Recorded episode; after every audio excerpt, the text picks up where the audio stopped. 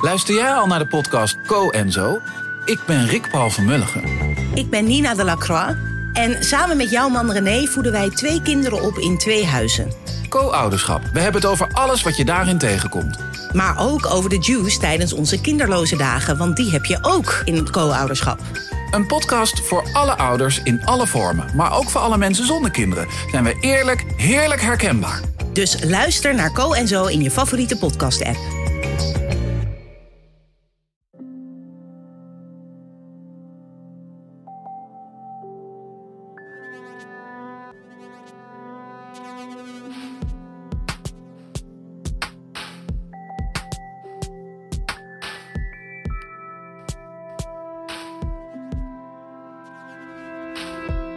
Hey, ik ben Pieter van Relaas. In Relaas hoor je waar gebeurde verhalen en die worden verteld door de mensen die ze zelf hebben meegemaakt. In deze aflevering twee verhalen uit onze verhalencarousel. Tijdens corona kwamen wij online samen, elke week, om elkaar korte verhalen te vertellen. En tot we weer lijfelijk samen mogen komen, hoor je daar verhalen uit. Je krijgt van mij twee verhalen uit de natuur deze keer. Het een al wat verder dan het andere. We beginnen heel ver met een reisverhaal van Sam, die op zoek is naar het mooiste spel van licht ter wereld.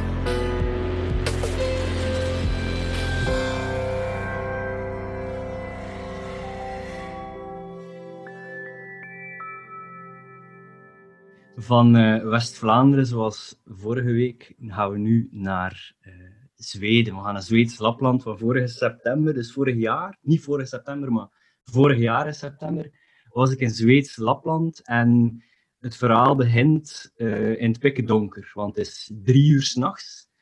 Mijn wekker is net gegaan en ik heb mijn schoenen aangetrokken, want um, ik ga naar buiten om drie uur s'nachts, omdat de KP-index, die is vandaag heel hoog.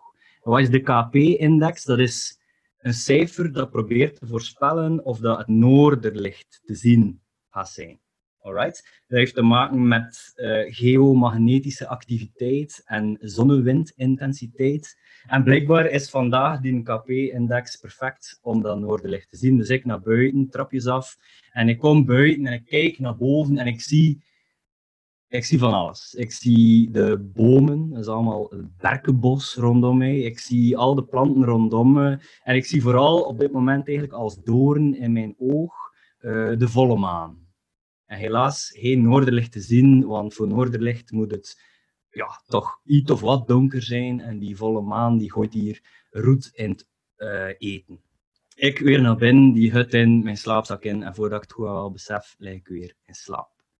Alright. De volgende ochtend zet ik mijn tocht verder, want ik, uh, ik ben en route. Ik ben uh, op wandel op de King's Trail, het koningspad, of in het Zweeds de Koensleden. Dat is, een, pad in Zweeds Lapland en dat loopt 450 kilometer door de hoogplateaus van de Zweedse bergen.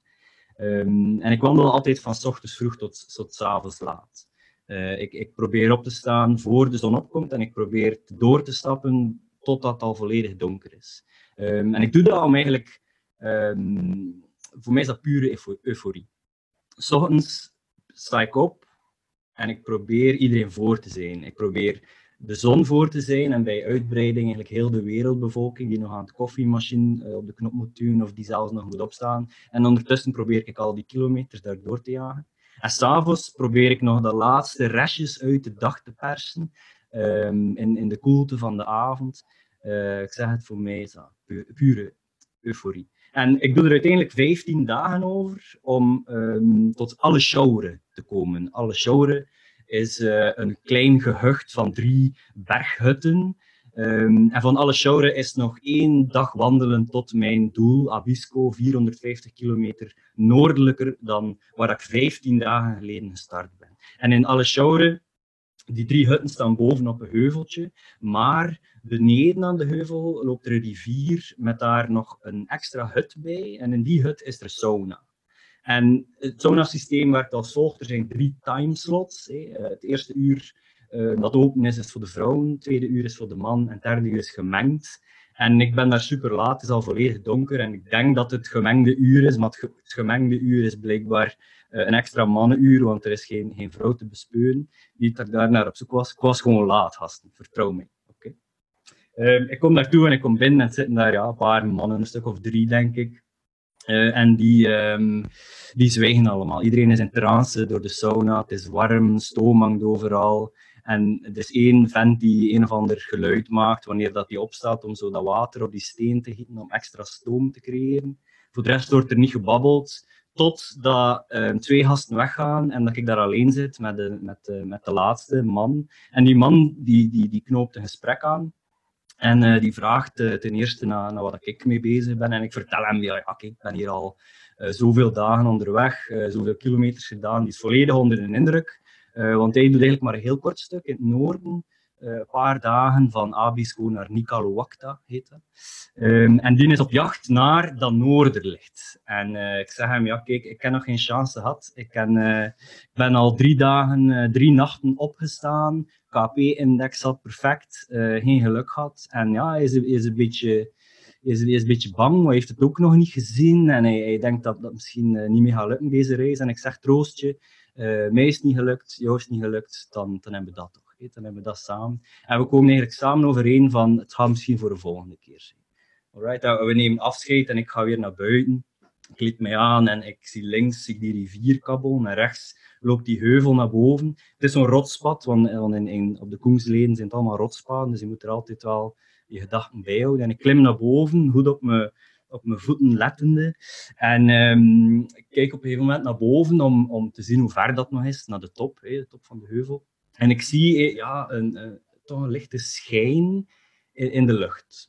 Een wolk, pakt een wolk.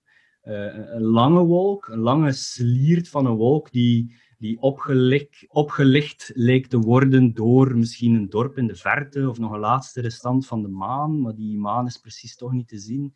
Bon, whatever. Ik, ik klim verder en als ik boven kom, uh, stap ik richting, richting mijn tent, die zo naast een van die hutten staat. En ik kijk nog een keer naar boven en die, die wolk die is begin dansen. Zo, als, je, als je met een koord zo een staande golf maakt, door van links naar rechts te zwiepen, zo is die golf nu aan het dansen als een, een slang eh, in de lucht.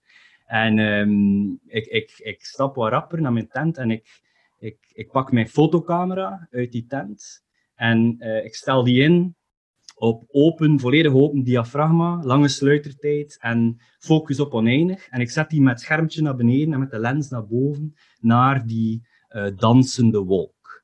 Uh, 10 seconden duurt dat ongeveer, denk ik. De langste sluitertijd dat ik met die camera kon krijgen was 10 seconden. En dus die lens en ik kijken alle twee naar boven. En ik, ik, ik heb precies die lens nodig om te bevestigen wat ik al, wat ik al wel aanvoel of zo. Maar na 10 seconden hoor ik dat geluid van die sluiter, dus sluiter toe. Ik pak dat scherm even uh, writing, uh, writing information, weet ik veel wat, nulletjes, eentjes.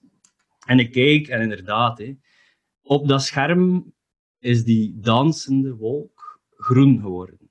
Dus blijkbaar is dat iets van het noorderlicht, van de aurora borealis, dat als dat in de lens van een camera breekt, dat dat groen licht geeft. En ik heb die man van in de sauna niet meer gezien die avond, maar ik denk dat die sowieso ook buiten moet gekomen zijn, naar boven gekeken heeft en ook het noorderlicht heeft mogen aanschouwen. En ik denk dat wel het twee die avond beseft hebben dat je het eerst volledig moet opgeven voordat je het noorderlicht te zien krijgt. Dat was het relaas van Sam. Hij heeft het verteld tijdens een van onze online verhalencarousels. Wat leek reizen toen onbereikbaar ver, zeg. Maar kijk, een paar maanden later, en dan doen we het voorzichtig opnieuw, zo zijn wij als mensen. We hebben nog een tweede verhaal in de natuur. We gaan daarvoor wel een tijdje terug in de tijd, naar de kindertijd van Pieter. Het is een echt zomerverhaal, want wat doe je als je kind bent in de zomer? Juist met de jeugdbeweging op kamp in de bossen bij mij ook een eerste keer en wel de eerste keer dat ik op kamp ging met de jeugdbeweging. En daar is het volgende object belangrijk bij. Heb ik hier. Ik weet niet of iemand het herkent. Dat is een uh, sjaaltje, een oranje sjaaltje van de KSA, de Katholieke Studentenactie en uh, daar ging ik dus mee op kamp voor de eerste keer. Ik was toen, uh, we spreken 1994, dus ik was toen net zes jaar. Ik zat in het eerste leerjaar. En ik ging dus voor de eerste keer mee met uh, de grote jongens op kamp. Tien dagen lang, we spreken nog van een tijd waar ja, ook de kleinsten tien dagen lang op kamp gingen. Nu is dat tegenwoordig al met bezoekdagen van ouders. En soms halverwege dat ze maar vijf dagen meegaan of zo. Maar bij ons was dat nog volop. Iedereen die uh, mee op kamp ging, de volle periode. Um, en we gingen op kamp naar Petitier. Uh, ik heb dat zelf ook terug moeten opzoeken waar het precies lag. Uh, maar dat is de buurt van Vielsalm en Malmedy, dus de Ardennen-regio Oostkantons. En we gingen daar op kamp met als thema kapitein Xenon en luitenant Zeppos. ik weet niet, jullie bekend, kapitein Zeppos van de televisiereeks uit 64 of zo, ik weet niet. Um, en Xenon was blijkbaar ook een soort intergalactische reeks. Dus daar hadden ze de inspiratie gehaald. En we gingen dus met uh, kapitein Xenon en luitenant Zeppos op zoek naar de zilveren roos. Oeh, spannend. En uh, het thema was dus vooral zo intergalactische dingen. En we hadden dus gedaan, dus voor ons gebouw hadden ze een, een grote raket gebouwd voor de deur. En iedere avond stapten wij door die raket ons gebouw binnen om te gaan slapen. En dan werd er door de motoren, of door de boxen, werd zeg maar geluid van raketmotoren. En vlogen we iedere dag van planeet naar planeet. En iedere ochtend komen we dus in een nieuwe omgeving terecht. En ehm, ja, soms waren dat lieve bewoners. En soms waren dat gemene bewoners. En soms waren dat thematische planeten. We hebben bijvoorbeeld op de planeet Olympia gezeten, waar het dan, u kan het al raden, bijvoorbeeld een sportdag gegeven wordt. En de dag van mijn verhaal uh, vermoed ik dat het niet zo'n lieve bewoners waren, want ja, anders zou mijn verhaal weinig steek houden. Um, dus wat is er op die dag gebeurd? Ik vermoed dat het ergens halverwege dag vijf of dag zes zal geweest zijn. En wij hadden zeg maar het, uh, het principe in de jeugdbeweging van altijd postenspelen te doen. Een drie postenspel. Ik weet niet of dat, dat bij andere jeugdbeweginggangers gekend is, maar op post 1 moet je dan iets gaan halen dat je naar post 2 moet brengen. En uh, daar wordt het dan verwerkt. En dan moet je naar post 3 gaan, waar dan uiteindelijk uh, iemand bevrijd moet worden of dat soort dingen. Uh, en daartussen zitten telkens stickers die dan uw verzameldingen afpakken. Dus we zijn bezig aan het spel. Ik weet al niet meer waar het precies over ging, maar dat doet weinig ter zake. maar ik word achtervolgd door een van die gemene tikkers. En zoals ik al vertelde, ik was een toen nog klein jongetje. Ondertussen ben ik al heel groot geworden. Maar toen een klein jongetje van zes jaar maar ik was wel redelijk snel, dus uh, de tikker achtervolgt mij en ik loop, loop, loop, loop, loop. En ik blijf lopen en ik loop en ik loop. En ik zie dat ik niet getikt word, dus ik heb nog altijd mijn kaartje in mijn hand. Dus ik denk, yes, ik heb hem kunnen afschudden. Maar ik kijk achter mij en ik zie alleen nog maar bomen. En ik hoor ook alleen nog maar bos. En ik denk, oei, ik weet niet meer waar ik ben. Dus ik denk van ja, het, het enige dat je kan doen is rechtsomkeer maken en beginnen terugwandelen. En dat heb ik dan ook gedaan. En zoals ik al zei, ik was een klein jongetje. Ik was helemaal op uh, in het kampthema. Dus ik loop daar door het bos te schreeuwen van kapitein Xeno, de luitenant Seppos, waar zijn jullie? Help mij. Want dat waren uiteraard op dat moment mijn uh, grote helden van het kamp. En ik blijf roepen, maar van tijd heb ik heel weinig besef, maar als ik nu een aantal jaar uh, teruggrijp, ik vermoed dat het toch minstens een half uur, drie kwartier zal moeten geweest zijn dat ik daar gewandeld heb. En ik loop dus door het bos, ik zie baantjes en ik denk, ik ken dat baantje van vorige bosspelen. Maar ja, op dat moment lijken al die baantjes natuurlijk ook op elkaar. En ik herken de houtsblokstapels, dat ik denk van hier moet ik links en daar moet ik rechts. Maar ik vermoed, en ik heb ook gekeken op een uh, plannetje van, van België en van de regio daar. En eigenlijk liep ik gewoon verder en verder weg van de kampplaats. En dus na een, uh, ja, ik vermoed een drietal kwartier wandelen, uh, zijn we toch drie, vier, vijf kilometer verder, denk ik. eh, zie ik een huis. En ik weet nog, er zijn niet veel dingen die ik mij herinner, maar ik weet nog wel dat die vrouw uit haar raam ging zo haar lakens uit te schudden. En ehm, ik denk van, ja, daar is iemand. Dus ik begin te schreeuwen en te roepen in het Nederlands van, help mij, help mij, ik ben verdwaald, ik ben op zoek naar kapitein Xeron en luitenant Seppos. Nu, ik zei al, we zijn in Vielsalm, in de Ardennen. Dus uh, ja, die mensen verstaan er uiteraard uh, geen Nederlands. Uh, maar ik denk, well, ik zie op zijn minst al iemand staan. dus ik loop daar naartoe. Maar wat mij niet opgevallen was, is wat, dat tussen de vrouw haar tuin en het bos, dat daar nog een beek was. Dus ik stap daar eerst nog met mijn beide voeten in een soort modderige beek. De vrouw was ook uh, de trotse eigenaar van een hond, die als goede waakhond ook op mij komt afgeblaft. En ik moet zeggen dat dat als jongetje van zes wel enorm indruk op mij heeft gemaakt. Uh, maar dus ja, die vrouw komt naar beneden, die trekt mij uit die beek, die stuurt die hond weg.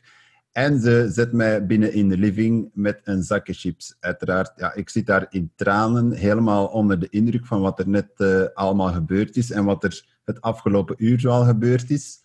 En uh, ik begin daar te, ja, uit te leggen van, ja, ik was met kapitein Xenon en luitenant Seppels en we waren op zoek naar de zilveren roos en nu ben ik verdwaald en ik weet totaal niet waar ik moet zijn. Nu, die vrouw verstond er nog altijd niets van. En uh, we zijn dan uiteindelijk op uh, de prachtige techniek gekomen die hier ook uh, gebezigd wordt. De techniek van het tekenen. En zij gaf me dus een papiertje en daarop had ik dan onze schuur getekend waar we met de jeugdbeweging verbleven, met de raket ervoor. En gelukkig, gelukkig, gelukkig had die vrouw dat herkend. En uh, maakte zij de link van, ah, hij zou waarschijnlijk lid zijn van die jeugdbeweging die daar uh, op kampement is. En uh, zij heeft haar auto genomen en heeft mij teruggebracht naar de kampplaats. Ik vermoed in totaal, ik weet niet, dat ik een uur of anderhalf, twee uur of zo ben weg geweest. Want tegen de tijd dat ik terug was, was ook het middageten al opgesoupeerd. En ja, lag iedereen in zijn bed voor een soort platte rust. En om mij te troosten hebben ze mij dan uh, ja, hamburger met frietjes gegeven, wat natuurlijk een jongetje van zes wel uh, kan smaken. En uh, ongeveer twintig jaar later, in 2014, ehm, hebben ze een boek uitgebracht. Een boek over 75 jaar Kaiza jeugdbeweging. En in het jaar 1994 staat vermeld bij nog memorabel in 1994, en ik citeer, Pieter de Vleeschouwer verdwaalde in een bosspel en liep los via Salm binnen, waar hij door gebaren en tekeningen de Franstalige bewoners diets maakte dat hij thuis hoorde op het kampterrein van de Kaiza. Gelukkig bracht een lieve huismoeder Pieter veilig terug naar de kampplaats. En zo, dat was mijn allereerste keer op kamp waar ik verdwaalde in een Franstalig bos. Maar uh, gelukkig, alles is goed gekomen. En zo zie je maar dat ook in niet-coronatijden, zolang je blijft wandelen, komt alles goed.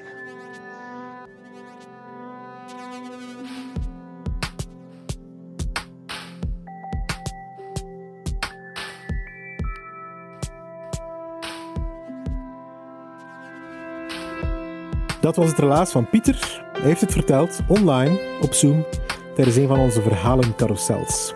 Op het einde van het verhaal heeft Pieter ook zijn boek getoond, waar hij over sprak tegen eh, de camera.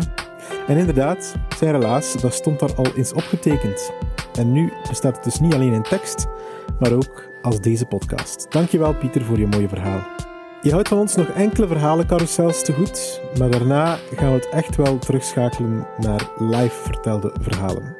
Op het moment dat je dit hoort, hebben we net een nieuwe editie achter de rug in open lucht tijdens een mooie zomeravond. En die verhalen krijg je binnenkort in onze podcast. En oh ja, heb ik al verteld dat er trouwens een boek van Relaas aankomt. Zo spannend, hè? We zijn volop aan het schrijven nu aan het allereerste Relaas boek. Twintig van ons beste verhalen zetten we daarin. En vanaf oktober kan je dat boek in huis halen. Je zal daar in de volgende podcasts nog meer over horen. Dankjewel afdeling cultuur van de Vlaamse gemeenschap en van de stad Gent. Dankjewel Relaas-team, jullie zijn grandioos. En jij, ook dankjewel om te luisteren. Als je het leuk vond, stuur dan deze aflevering door naar iemand die er een echt plezier mee kan doen. Doei!